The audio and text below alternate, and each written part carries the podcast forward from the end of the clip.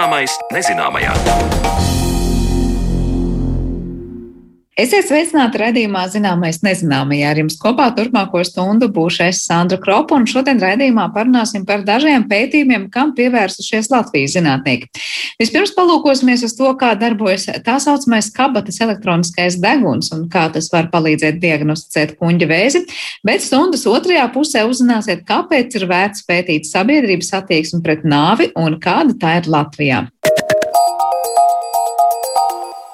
Starptautiskā projektā SNIFO un izstrādāta vieta tālrunim pievienojuma izelpas gaisa analīzes iekārta. Latvijas pētnieki savukārt klīniskos pētījumos testējuši šīs tehnoloģijas lietarību kuņģa vēža diagnostikā. Kabatas elektroniskajam degunam varētu būt liela nozīme slimības agrīno stadiju atklāšanā. Plašāk par ierīces testēšanas pētījumu manai kolēģei Sintijai Ambotei stāstīs Latvijas Universitātes Kliniskās un profilaktiskās medicīnas institūta direktors Mārcis Leja. Zinātnieki no Izraēlas, Vācijas, Austrijas un citām valstīm kopējā projektā izstrādājuši ar mobilo telefonu savienojumu ierīci, jeb pārnēsājumu elektronisko degunu, kas ar mākslīgā intelekta palīdzību analizē cilvēka izelpas gaisu. Ierīce nākotnē varētu nākt talkā mediķiem, nosakot, vai cilvēkam nav kuņģa vēzis vai pirmsvēža stadija. Un tas koncepts balstās dabas pierādījumos, ka, piemēram, ir zināms, ka Sunīši, ja viņi speciāli apmācīti, viņi spēj atšķirt pēc smaržas uh, cilvēkus, kuriem ir ļaundabīgi audzējumi, kuriem viņi nav. Tāpēc tas uz dažādiem ļaundabīgiem audzējiem ir demonstrēts. Un, protams, cilvēks nebūtu cilvēks, ja viņš nemēģinātu šo konceptu atkārtot. Līdz šim tehnoloģijas nu, ir krietni vien atpalikušas no tā sonīša deguna pagaidām. Ja? Bet nu, cerams, ka tomēr viņas tajā līmenī attīstīsies. Un kāpēc tā ir racionāli darīt? Tāpēc, ka dzīvnieks ir dzīvnieks un ne visu dzīvnieks var apmācīt vienādi un, un dzīvnieks var nogurt. Līdz ar to faktiski nu, tā re, regulārā klīnikā, mūsu klīnikā šāda diagnostikas pieeja nav ieviesusies kaut citviet pasaulē, Japānā un Izrēlā, piemēram, ir, bet arī ne plaši un ne standartā. Ja? Tātad šis koncepts ir atdarināt tā sunīšu degunu un mēģināt saostīt to, kas ir raksturīgs slimībai. Tieši Latvijā veikta pētījuma klīniskā daļa ierīces testēšanā iesaistot pacientus gan ar ļaundabīgiem audzējiem, gan arī cilvēku grupu bez šādas diagnozes, stāsta Latvijas pētnieku grupas vadītājs, Latvijas Universitātes klīniskās un profilaktiskās medicīnas institūta direktors Mārcis Leja. Kopumā pētījumā izelpas gaiss pārbaudīts 274 pacientiem.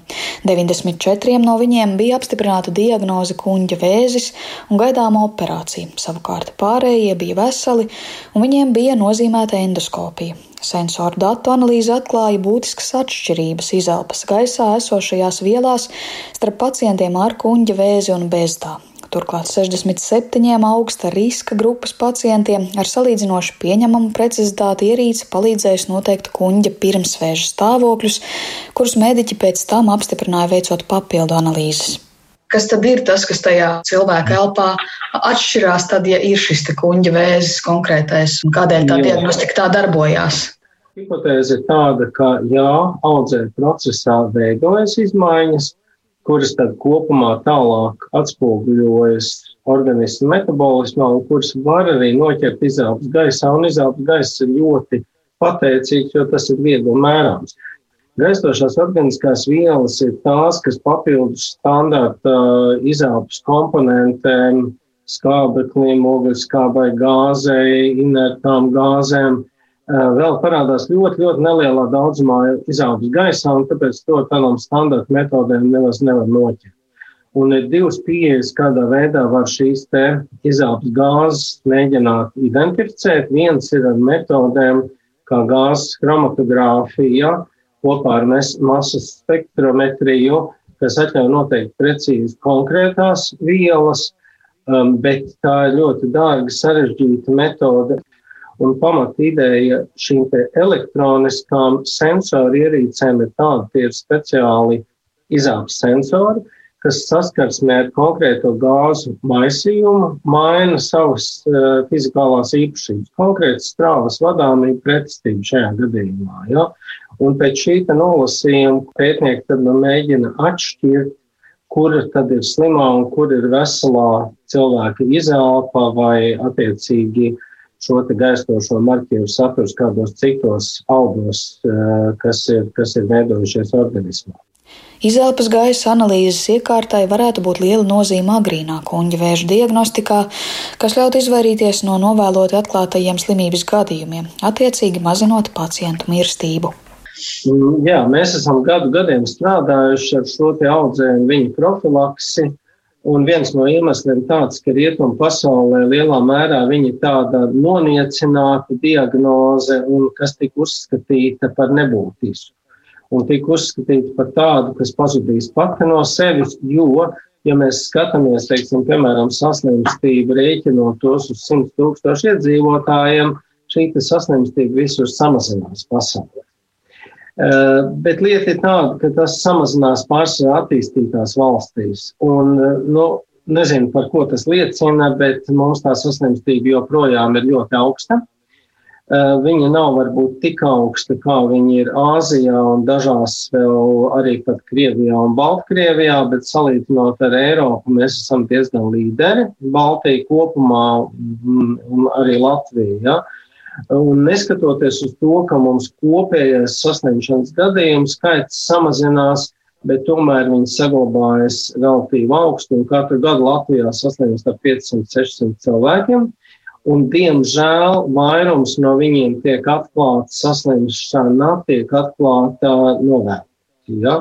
Kad, protams, ārstēšanas efektivitāte ir daudz zemāka nekā tad, ja viņi tiktu atklāti agrīni. Ja? Tas ir pamats šajā gadījumā. Nākotnes vīzija konkrētajai ierīcei paredz, ka tā varētu būt portatīva un savienot ar mobilo telefonu, ko cilvēks varētu lietot individuāli un arī pārraidīt mērījumu signālu speciālistiem. Turklāt jaunās ierīces potenciālais pielietojums ir ļoti plašs, un to nākotnē varētu izmantot arī citu slimību atklāšanā un uzraudzībā. Eh, Viņa ir attīstījusies mums labi zināmās infekcijas noteikšanai, Covid-19 noteikšanai, precīzi šis iekārtas modelis. Ja? Un um, arī pasaulē publiskā telpā ir parādījusies informācija par to, kā ātrā veidā ir iespējams eh, Covid-19 diagnostiku veikt. Nu, šajos pētījumos mēs gan neesam piedalījušies, bet jebkurā gadījumā tas tā, tā ierīce faktiski ļoti precīzi līdzinās tai, ko mēs izmantojam mūsu konkrētā pētījumā. Ja? Lai arī Latvijas pētnieku iegūtie rezultāti apstiprina tehnoloģijas lietderību kuģa vēža diagnostikā, tomēr Mārcis Leja gan prognozē, ka pārnēsājumā skrīninga ierīce neaizstās tradicionālo medicīnisko diagnostiku. Parasti kuģa vēža noteikšanai izmanto endoskopiju, magnetisko rezonanci vai datortomogrāfiju, bet vienlaikus pat labana medicīnā nav uzticamas sākotnējas skrīninga testu metodas šī vēža noteikšanai. Vienīgā metode, ko izmanto, un to izmanto divas valstis, Japāna un Dienvidkoreja, ir endoskopija. Bet, nu, ja mēs piedāvātu visiem iedzīvotājiem pēc kārtas, bez jebkādām sūdzībām, iet uz endoskopiju, es domāju, ka lielas atsaucības nebūtu. Ja? Un mūsu apstākļos tas nav pierādījies izdevīgi, ka to jeb, no, no jebkādiem apsvērumiem, no medicīniskiem, no ekonomiskiem, ka to nav vērts darīt. Um, un, un tā tad mums iztrūkst šī skrīninga testa. Ja? Skrīninga tests ir vajadzīgs, un šobrīd uh, darbs turpinās. Darbs turpinās pie nedaudz cita aparāta, nevis rokā turāma, bet jau lielāka aparāta, bet kas varētu būt izmantojams tieši medicīnas iestādēs vai līdzīgos apstākļos, un kas varētu būt izmantojams skrīningam. Tātad, jā, uh, tur ir uh, nu, faktiski tehnoloģijas attīstības nepietiekamības, un viņām ir absolūta vieta, kur viņas var labot. No otras puses, vai to vajag individuāli, tā ka katram būtu mobilā telefonā tas iemontēts? Mm, es domāju, ka nē. Jā, Nav un, sajūta, ka tā ir nākotne kaut kādā, nu, ka nākotnē iespējams nu, tas tā būs vienkārši attīstoties par, tehnoloģijām. Par vēzi es domāju, ka tā nebūs. Jā, tā viena iemesla dēļ, ka tomēr individuālais aprīkojums nu, nav izgājis šo me, medicīnisko vērtējumu. Ja? Un tātad tādam portatīvam aparatūrai viņai noteikti būs pielietojums tur, kur mēs monitorējam, kur mums jāzina, kā no dienas uz dienu situācija mainās. Un, piemēram, šis pats potenciālā saslimšana, respiratoram saslimšanām vai Covid ļoti labi demonstrē, ka tur tādam aprīkojumam pilnīgi noteikti, ka varētu būt ļoti, ļoti labs pielietojums bet diez vai audzējam, jo tā būtiskā starpība ir, ka audzējs attīstās gadu laikā. Ja? Un diez vai mums gadu laikā, pirmkārt, tas mēs jau būsim savu mobilo telefonu izmetuši, ja, to gadu laikā, un, un līdz ar to būs grūti salīdzināt ar iepriekšējiem rezultātiem un, un novērtēt, un diez vai mums uh, medicīniskās laboratorijas akceptēs to kā verificējamu medicīnisku testu. Ja? Tātad eh, pilnīgi noteikti, ka būs viņam tādam aprīkojumam kaut kur vieta, un šobrīd jau pat uh, ir eh, kompānijas, kas mobilos telefonos šos te izāpes sensorus jau ir mēģinājušas iestrādāt. Āzijā gan, uh, bet nu, negluži vēža diagnostikas mērķi. Latvijas pētnieku iegūtie pētījuma klīniskās daļas rezultāti martā publicēti arī starptautiski augsti novērtētā žurnālā Cancer. Pat labam darbs izelpas gaisa analizatora izstrādes jomā turpinās jau citā projektā, kurā plānot šo ierīci padarīt vēl precīzāku. Par izelpas gaisa analīzes iekārtas kliniskiem pētījumiem stāstīja Latvijas Universitātes Kliniskās un profilaktiskās medicīnas institūta vadītājs Mārcis Leja, un ar viņu sazinājās mana kolēģe Sintī Ambota. Bet par to, kā pētīta Latvijas sabiedrības attieksme pret nāvi un kāda tā ir, mēs parunāsim raidījuma turpinājumā.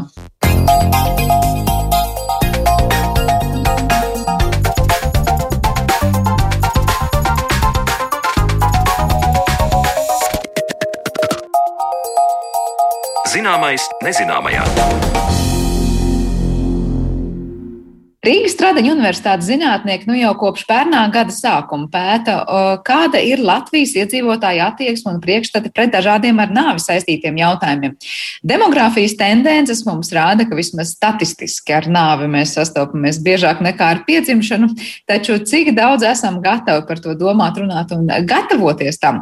Vismaz daļa atbilžu ir pētniekiem, kurus šodien esam aicinājuši mūsu attālinātajā studijā, un šodien priekš šeit satikt Rīgas Stradiņa universitātes asociēto asociēto profesoru un komunikācijas fakultātes docētāju Rītmu Rungulu.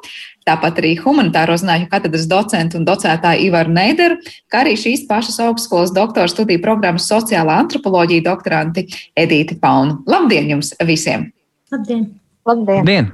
Uh, vispirms sākšu ar to, ko esat izpētījuši. Es saprotu, ka esat apzinājuši, nu, ko mēs Latvijā iedzīvotāji domājam un kā domājam par nāvi, vai tā var teikt. Es nezinu, kuram pirmajam došu vārdu, jo es saprotu, pētījums jums ir vienots visiem? Ivaram. Ivar, Ivar, nu tad sākšu ar jā.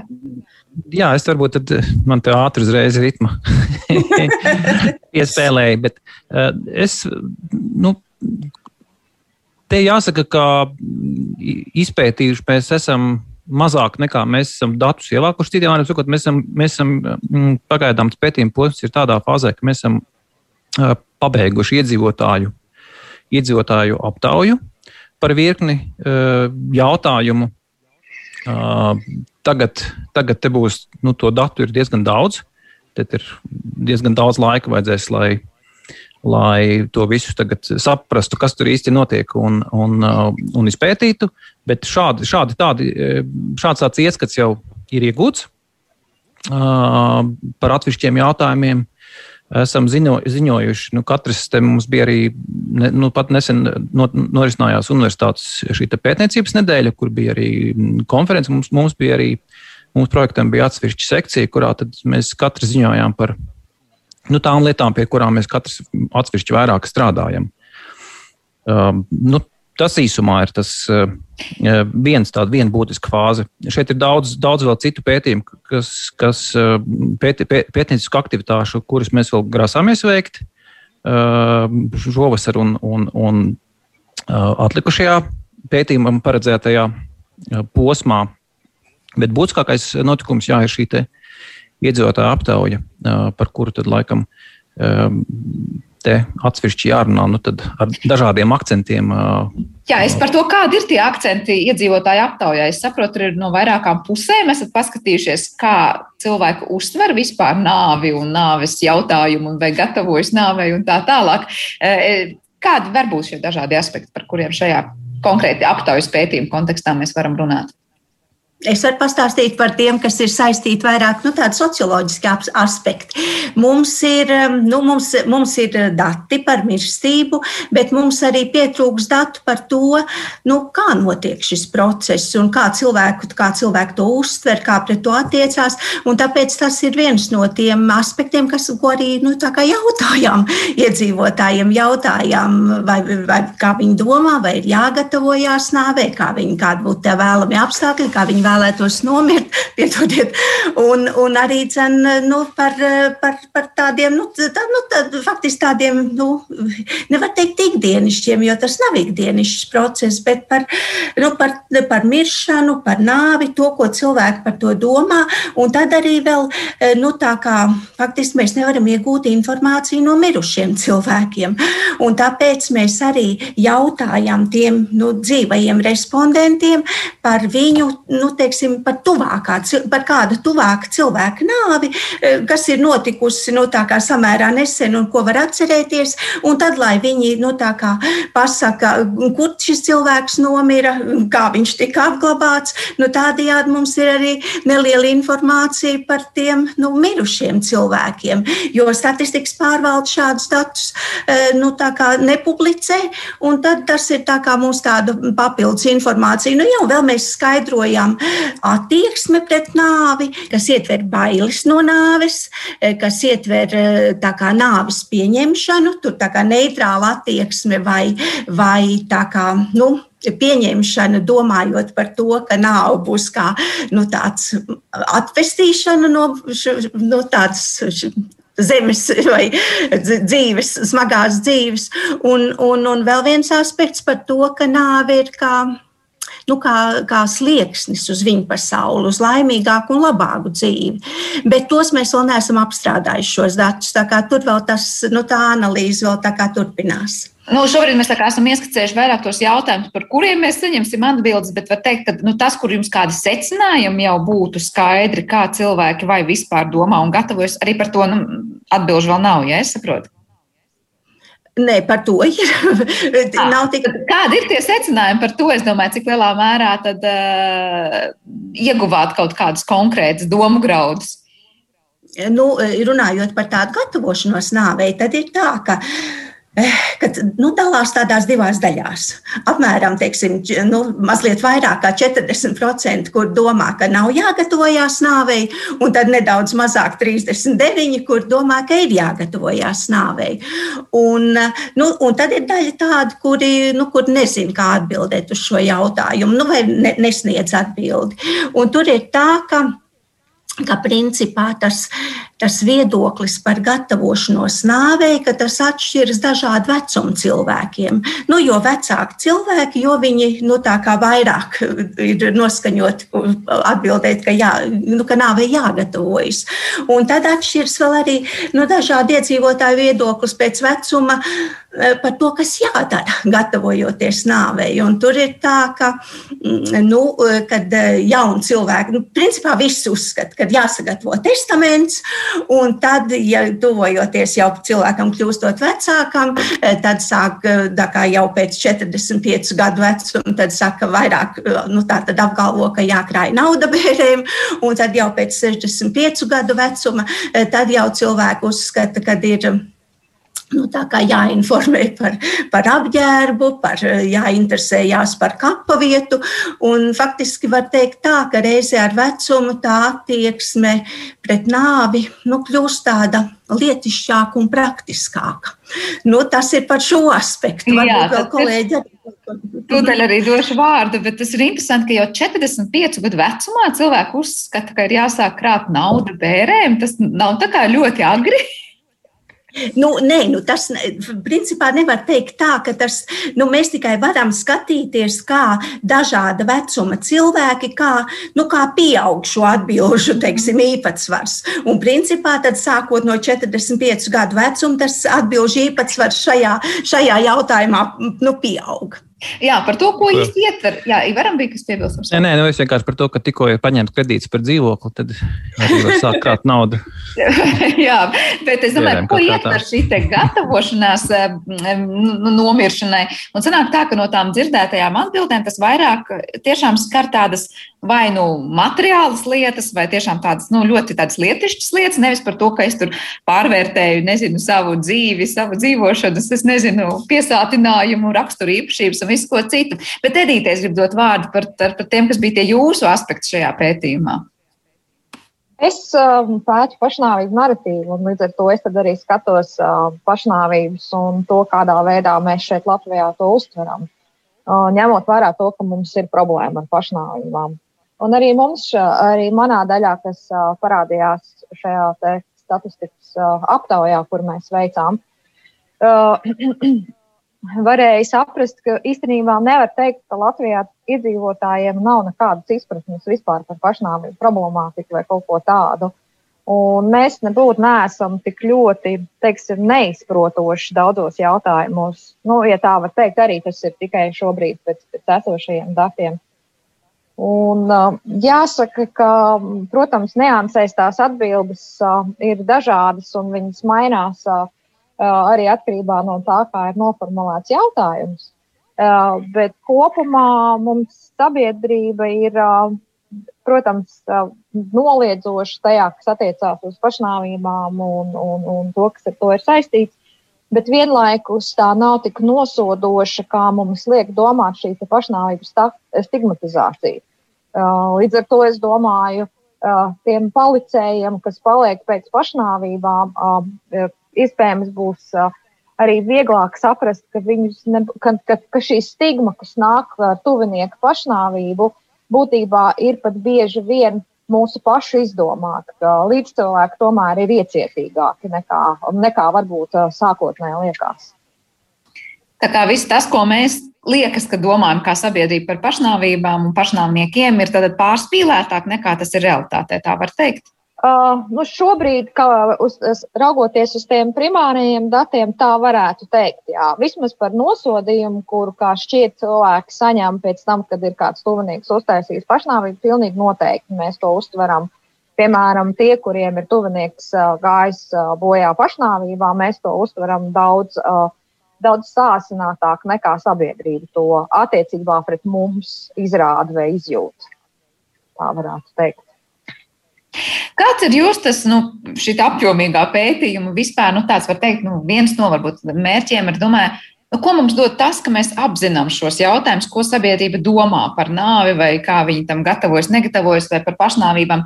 Mēs mēģinām rast kaut kādu, var teikt, nu, kā izmērīt sabiedrības temperatūru uz kaut kādām lietām, e, izprast kaut kādus procesus, iecietību, ar iecietību saistītus, vai kādi jūs, kā jūs raksturot to, to pamatu uzdevumu šādu veidu pētījumiem? Cilvēkam ir daudz to, daudz dažādu virzienu. Nu, skaidrs, ka nav nekāda tāda tieša, tieša pielietojuma uh, praksē, bet, piemēram, es uh, lielā mērā esmu atbildīgs par to jautājumu bloku, kas saistīts ir ar um, cilvēku attieksmi pret medicīnas asistētu nāvi. Tātad eitanāziju un asistētu pašnāvību. Nu, mēs jau nu pat redzējām, ka šie jautājumi ik pa laikam uh, uzpeld publiskā diskusijā, un tad, tad arī politiķi mēdz spekulēt ar to, ko cilvēki domā vai nedomā.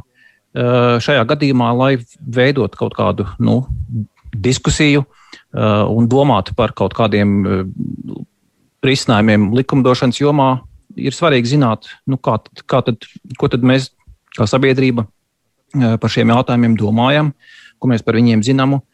Un, un tādā garā tātad, nu, šis, piemēram, būtu viens tāds aspekts, kur, kur tas ir skaidrs redzams. Un tajā noteikti arī dzen, ir citi, nu, ar citiem jautājumiem saistīti, saistīti faktori, kas kaut kādā veidā attieksies vai nu tātad uz kaut kādu, teiksim, šo te problēmu apzināšanu, piemēram, saistībā ar pašnāvībām. Ja, nu, pašnāvību skaits mums ir diezgan liels, un mm. nu, tā ir nu, tev ir, ir jāsaprot, kas te īsti notiek, ko mēs par to domājam. Uh, un tā tālāk. Tas pats attiecas arī uz, uz, uz, uh, uz jautājumiem par, uh, par to, kā mēs attiecamies pret nāvi, kā mēs gribam tikt apglabāti un tam līdzīgi. Tie ir daudz un dažādi, vai tiešāk vai netiešāk saistīti jautājumi ar, ar kaut kādiem praktiskiem lēmumiem. Jā, droši. Jā. Es vēl gribēju piebilst to, ka tas ir nu, kā ka faktiski ka cilvēki nav pieraduši runāt par nāvi un ka, un ka par tiem jautājumiem ir jārunā. Un tad nu, tie dati ir viens no, no veidiem, kā, kā rosināt kādu domu apmaiņu par dažādiem ar nāvi saistītiem jautājumiem. Jo nu, teiksim, viena no tām attieksmēm ir arī principā izvairīšanās runāt par nāvi, izvairīšanās runāt ar, ar, ar cilvēkiem, nu, kas, kas, kas mirst. Un, un patiesībā nu, tas ir viens no tādiem aspektiem, kas, kas samērā maz parādās. Teiksim, tas rūp, rūp katram cilvēkam individuāli, tas rūp ģimenei, bet maz mēs par to runājam tādā sabiedrības mērogā. Tāpēc, nu, tāpēc arī mums nav nekādu datu par to. Principā tas, tas zināmā mērā arī kaut kādu tukšumu aizpilda, nu, un tad mēs varam tālāk par to runāt un tad skatīties nu, teiksim, tādā plašākā diskusijā un doma apmaiņā. Nu, no tā viedokļa tas arī ir kaut kāds sākums, ja tā var teikt. Parasti, kad mēs jautājam, nu, kāpēc cilvēki izvairās vai negrib runāt par nāvi, man liekas, katra individuālā līmenī droši vien mēs zinām atbildi. Tās ir bailes no nāves, tas ir varbūt nu, negribam par to runāt, vai arī tad, kad kāds padzīvojušāks jau mūsu radinieks sāk stāstīt par savu nāvi, tad bieži vien saka, ai, nu taču nerunā, nerunā. Bet kāpēc jūs, prāt, sabiedrībā kopumā mēs maz runājam? Tas arī ir sabiedrībā kopumā bailes no tā visa, vai tā ir kaut kāda aizsprieduma, kaut kāda, es nezinu, kultūra, kas ir izaugusi. Kāpēc par maz kā sabiedrība mēs runājam par nāvi vai izvairāmies, kā jūs teicāt, runāt? Jā. Man liekas, ka viens no saktu. Jā, jā droši, droši, jā. Droši vien, tu sāki paveikt. Es, es... Jā, man liekas, ka viens ir tas, ka nav, ka nav pieņemts. Vēl es domāju, ka iespējams, ka tas ir arī tas, nu, teiksim, padomu laiks, kas ir tā kā, nu, teiksim, manai paudzei, un ka, nu, tā kā arī īsti, ka, un īsti, ka arī varbūt nemāk un nezin, kā to darīt. Un, nu, Nu, tas, jo faktiski arī dzen, interesanti ir tas, ka arī tie iedzīvotāji viedokļi tik ļoti pretēji sadalās, ka daļa, kas principā mēs jautājam arī tiem, nu, tiem par to tu, tuvinieku nāvi, kuri ir runājuši un kuri nav runājuši. Principā lielākā daļa, 80% nebija runājuši. Un tur arī tad noskaidrojās, ka tie nav bijuši tikai objektīvi apstākļi, nu, kad, nu, kad teiksim, tur nevarēja vai nebija iespējams, bet tas arī, ka cilvēki uzskata, uzskata, ka vai nu viņi uzskata, ka nav pieņemami runāt par to, vai atkal tas, nu, tas eh, cilvēks, kas ir uz nāves gultas, tas uzskata, ka nav pieņemami par to runāt, vai arī eh, nu, teiksim, nu, tā situācija nav tāda. Un, un patiesībā nu, man šķiet, ka ir, ir, kad ir daudz, vai, nu, ka cilvēkiem būtu vieglāk, ja par to runātu vairāk. Mm, Iverta, laikam, bija piebilde. Jā, man ar, varbūt tikai kaut kādas spekulācijas, jo nu, kādu tādu cietu datu, no kuriem mēs varētu visi, kaut ko tādu izsākt, šobrīd, šobrīd laikam īsti nav. Nu, tad uh, viens ir skaidrs, ka, ka tā nāve ir. Nu, Mēs nu, varētu teikt, tādā rietumu sabiedrībā viņa tā ir nostumta kaut kur malā. Nu, cilvēki mirst kaut kur projām no acīm, nu, tur slimnīcās pārsvarā. Uh, līdz ar to tas nu, Te var jautāt, vai nu, tātad, kas ko ietekmē, vai nu tāpēc, ka viņi ir projām no acīm, tāpēc mēs par viņu baidamies runāt, vai tāpēc, ka mēs baidamies par viņu runāt, un tāpēc viņi projām no acīm. Nu, tātad, kur ir cēlonis, kur ir sekas, tur īsti uzreiz nav skaidrs, bet, bet nu, tā situācija iezīmēs skaidri, ka nu, tā tad nāve ir aizvākta no tā publiskās telpas, viņi ir prom, un līdz ar to uh, viņa šeit līdz ar to mazāk parādās. Un, protams, varētu būt, ka tie ir kaut kādi vēl tie mācīgie priekšstati, kas ir nu, tad, nu, pie, runāt nevar, tu tad piesauks kaut kā vai ne, vai kaut kas tam līdzīgs. Te, iespējams, kaut kas tam līdzīgs vēl parādās, un noteikti vēl ir kaut kādi faktori, kas, kas vai, vai spekulācijas, kas var. Nē, nu, ja es vēl varu piebilst par to, būtībā jau mēs par nāvi nerunājam tagad, mūsdienās. Tieši tā kā Ivars saka, tā ir nostumta, nostumta nostāta. Bet, ja mēs atceramies, ka iepriekšējās paudzēs vēl bija zārks šķūnī vai, vai kūtī vai, vai kādā no lietām, tad nāve bija klātesošāka. Jo šobrīd, līdz ar to brīdi, kad mēs liekam nāvi slimnīcā, mēs par to patiešām vairs arī nerunājam. Jo kā no acīm, no acīm nost no sirds ārā, tā varētu teikt. mums ir tāds sterils laikmets, par to ir arī pētījumi bijuši par to nāves uztveri, kas ir arī citās valstīs, par to, kā ir mainījusies. Ja, piemēram, mēs runājam par to pašu Viktorijas laikmetu vai kaut kā atpakaļ, tad bērniem pat bija skaitām pantiņi, jo tā nāve bija tik klātesoša, ka no tās nevarēja izvairīties. Mūsdienās savukārt, nu, kā, kā jau te arī kolēģi teica, tas ir prom. Bet no vienas puses, arī mūsdienās nu, mēs dzīvojam ilgāk, un daudzas situācijas, kurās eh, cilvēki pirms 50 gadiem nomirtu, šobrīd ir, ir, ir veseli ja, un ir dzīvot spējīgi. Par, no vienas puses, mēs arī esam ne tikai no acīm varbūt noņēmuši, ko jūs teicāt, ja, nu, tad, kad cilvēki mirst slimnīcās vai, vai neredzot, ja, tad um, pārējiem. Bet, um, Patiesībā mums varbūt veidojas tāda pseido sajūta par nezinu, ilgdzīvošanu un nemirstību, un liekas, tas nekad nepienāks. Tas ir veicinājis to. Mēs... Es, ne tikai tas ir veicinājis to, arī šie visi veselīgās ēšanas un dzīvesveida novirzieni, kas ir parādījušies, būtībā arī ir kā tādi mēģinājumi paildzināt dzīvi. Un kaut kādā ziņā sociologi ir arī runājuši par to, ka tā ir tāda cīņa ar bailēm pret nāvi. Mēs nevien esam Mēs, mēs kultivējam būtībā šo ķermeņa un, un dzīves ilglaicīgumu principu ar, ar visām šīm, te, kas, kas šodien notiek, ar visām kustībām, veselīgās ēšanas un tā tālāk. Ne tas, ka to nevajadzētu darīt, bet tas tā pēc pētījumiem saka, ka tas tā esot.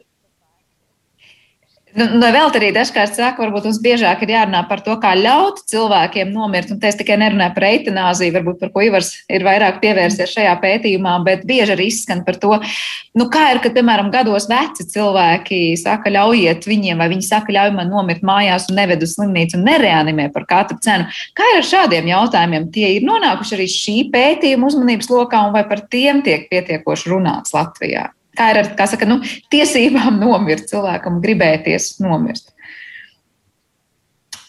Ivar? O, te laikam tiešā veidā, tiešā veidā nav. Nu, mums ir vairāk jautājumu, teiksim, kas ir, nu, piemēram, viens, viens ir um, mm, tās apgalvojums, uh, par kuru ir jautājums, ir proti, vai vai cilvēks var būt tik sliktā veselības stāvoklī, ka viņam labāk būtu nomirušam nekā būt dzīvam. Tāds ir apgalvojums. Un šeit, šeit um, lielākā daļa uh, cilvēku um, piekrīt, ka jā, tā, tā viņu prāt ir. Ja? Tur ir vairāk kā, vairāk kā puse uh, respondentu. Tur ir gandrīz 60% tā uzskata. Uh, bet uh, Citā ziņā, laikam, šādi, šādi veidi jautājumu nav izņemot tos jautājumus, kas ir, kas ir par, par šo medicīnas asociēto nāvi, kur mēs uzdodam dažādus jautājumus par, par viņu attieksmi pret, pret, pret eitanāziju, tad mēs tur šos jautājumus dažādi, dažādi mēs variējam, tur mainām šo te, šo te pacienta vecumu un, vai, vai slimības smagumu un tam līdzīgi. Un tur var redzēt, kā mainās uh, cilvēka attieksme uh, atkarībā no tā, kādi ir šie te, uh, mainīgie. Uh, vēl kas varbūt zīmīgi ir, ka attiecībā uz šiem jautājumiem ir, uh, ir diezgan daudz, nu, tas liels cilvēku procents, uh, kuri, kuri pauž tādu neitrālu viedokli. Protams, nu, tad ne jā, ne nē.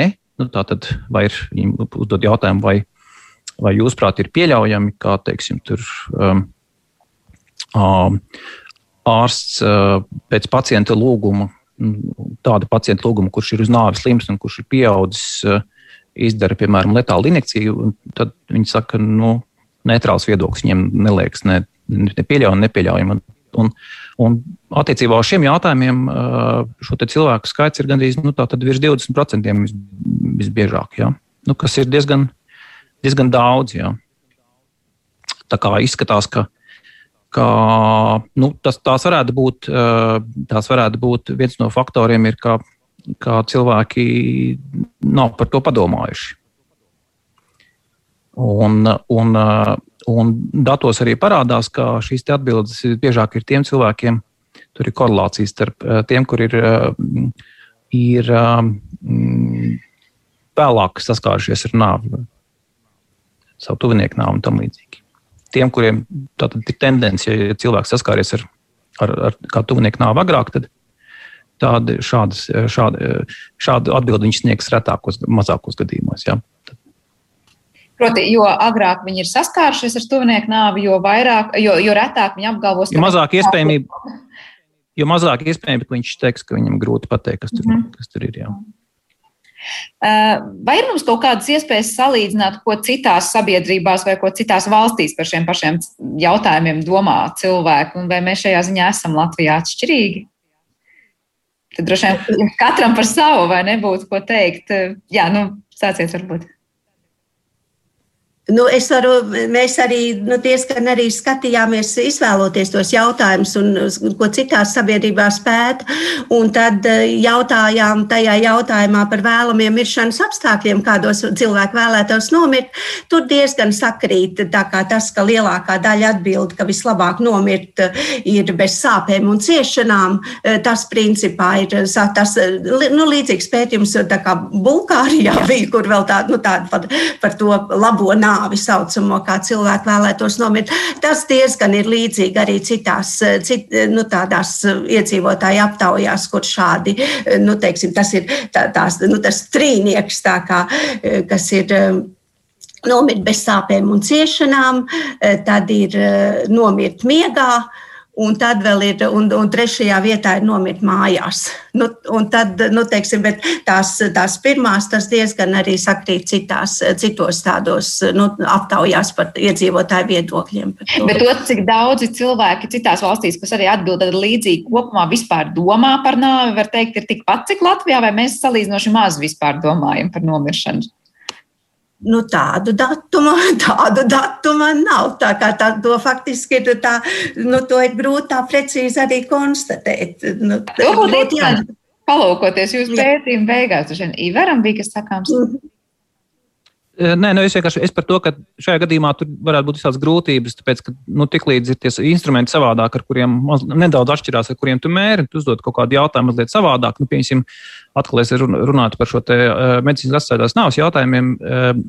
Es, piemēram, viņus mēģināju uzdot, eh, nelie, izvairoties lietot vārdu etanāzija, teiksim, izvairoties lietot vārdu pašnāvība, ja, eh, aprakstoši šos jautājumus uzdot, tāpēc, ka, nu, eh, mēģinot izvairīties no, no, no tās ietekmes, ko uz cilvēku atstāja kaut kādas nevēlamas konotācijas. Un līdz ar to, ja, teiksim, kaut kur citur ļoti bieži aptaujas tiek, šāda veida aptaujas tiek lietotas, veiktas izmantojot, izmantojot, piemēram, vārdu etanāzija, tad, nu, grūti pateikt, cik lielā mērā, cik lielā mērā tas. Um, šie dati ir salīdzināmi, tāpēc ir kaut kādas grūtības. Nu, tā tiešā veidā.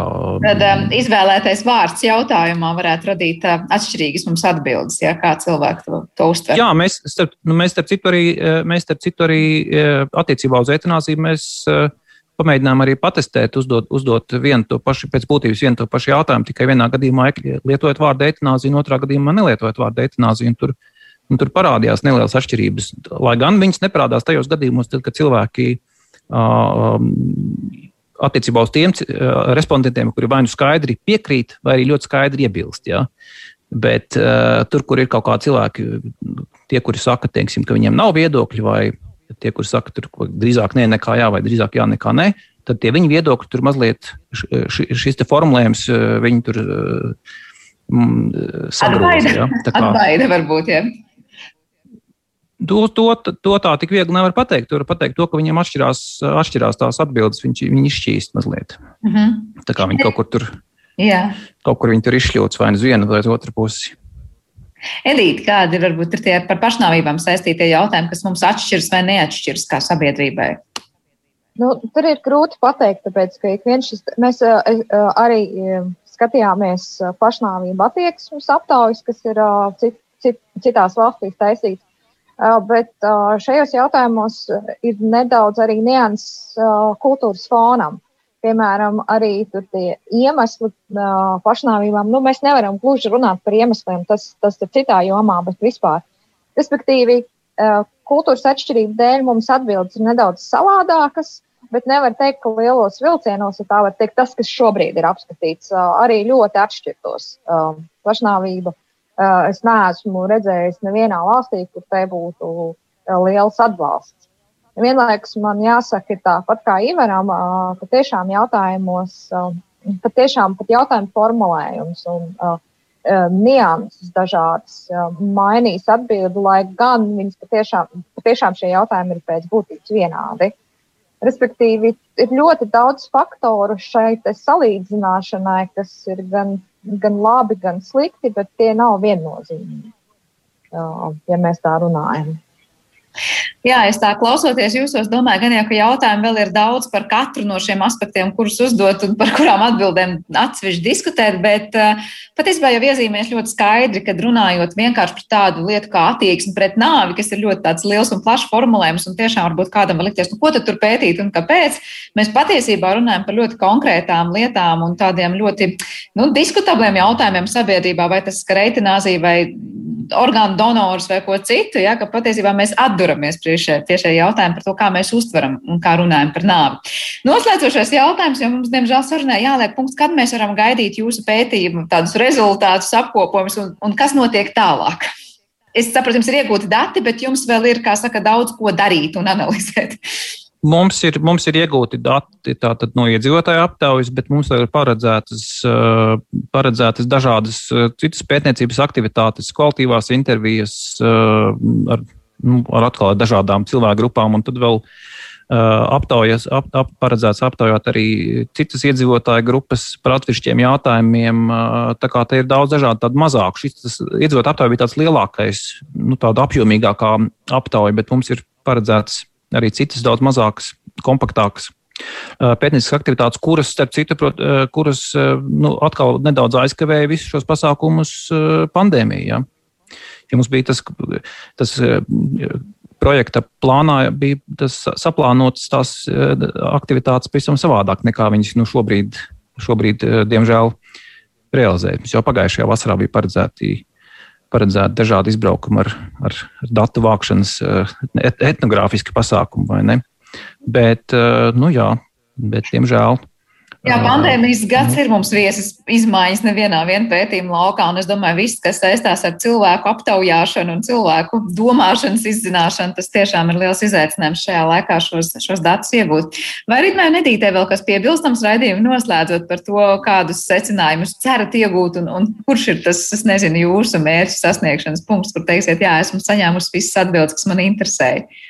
Ja, es arī ļoti ceru uz tām nu, intervijām ar cilvēkiem, bet nevis zūmā, bet tieši. Tāpēc mums arī ir nu, tās tā, paredzētas šādas intervijas, un, un principā jau tie skaitļi neko daudz nepasaka. Nu, kā jūs arī konstatējat, procenti tur, procenti šur. Tas tikai parāda tādu nu, viedokļu sadalījumu, bet kāpēc cilvēki tā domā un kā nu, tās, tās konkrētās situācijas, to labāk var izzināt no tādām, teiksim, dziļākām vairākām intervijām, un to var darīt tieši. Tā kā tur mēs diezgan ceram arī uz, uz, uz vasaru. Jā, tiešām uzzināt, kāpēc. Un arī uz pandēmijas atkāpšanos. Tas, protams, jā, ka tā tad eh, tiešām uzzināt, kāpēc tā domā, jo ir tas nākamais solis, kas ir tas, tas, tas manuprāt, tas, tā būtība un tas interesantākais tajā, ka tad, kad mēs uzzinām, ko domā, bet kāpēc tā domā, tas ir nākamais pētījuma lauks. Edītei vēl nedēļu vārdu noslēdzošo sarunu. Ah, Es domāju, kas attiecās uz tieši šo manu pētījumu daļu, es esmu arī pamanījusi, cik daudz beidzot ir sākuši par pašnāvībām, ka vispār jau tās, tas ledus ir iekustējies un ka cilvēki vairs par to nebaidās runāt. Un, uh, es domāju, es jau veicu intervijas arī uh, ar ārstiem, ar mediķiem, un, un, lai uzzinātu arī, kā mēs uh, par to runājam arī savādākos, teiksim, Eh, savādākās nozarēs, ja tā var izteikties. Un, uh, es domāju, ka tie rezultāti varbūt būs labi uh, parādīt to, kuri tad ir tie galvenie faktori, varbūt par kuriem ir jārunā kaut kādās arī prevencijas pasākumos. To jau tāpat zina, bet ir labi uzzināt vēl tā saka. Un ir labi uzzināt, ko tieši un kā tieši. Ko tieši jā. Jā.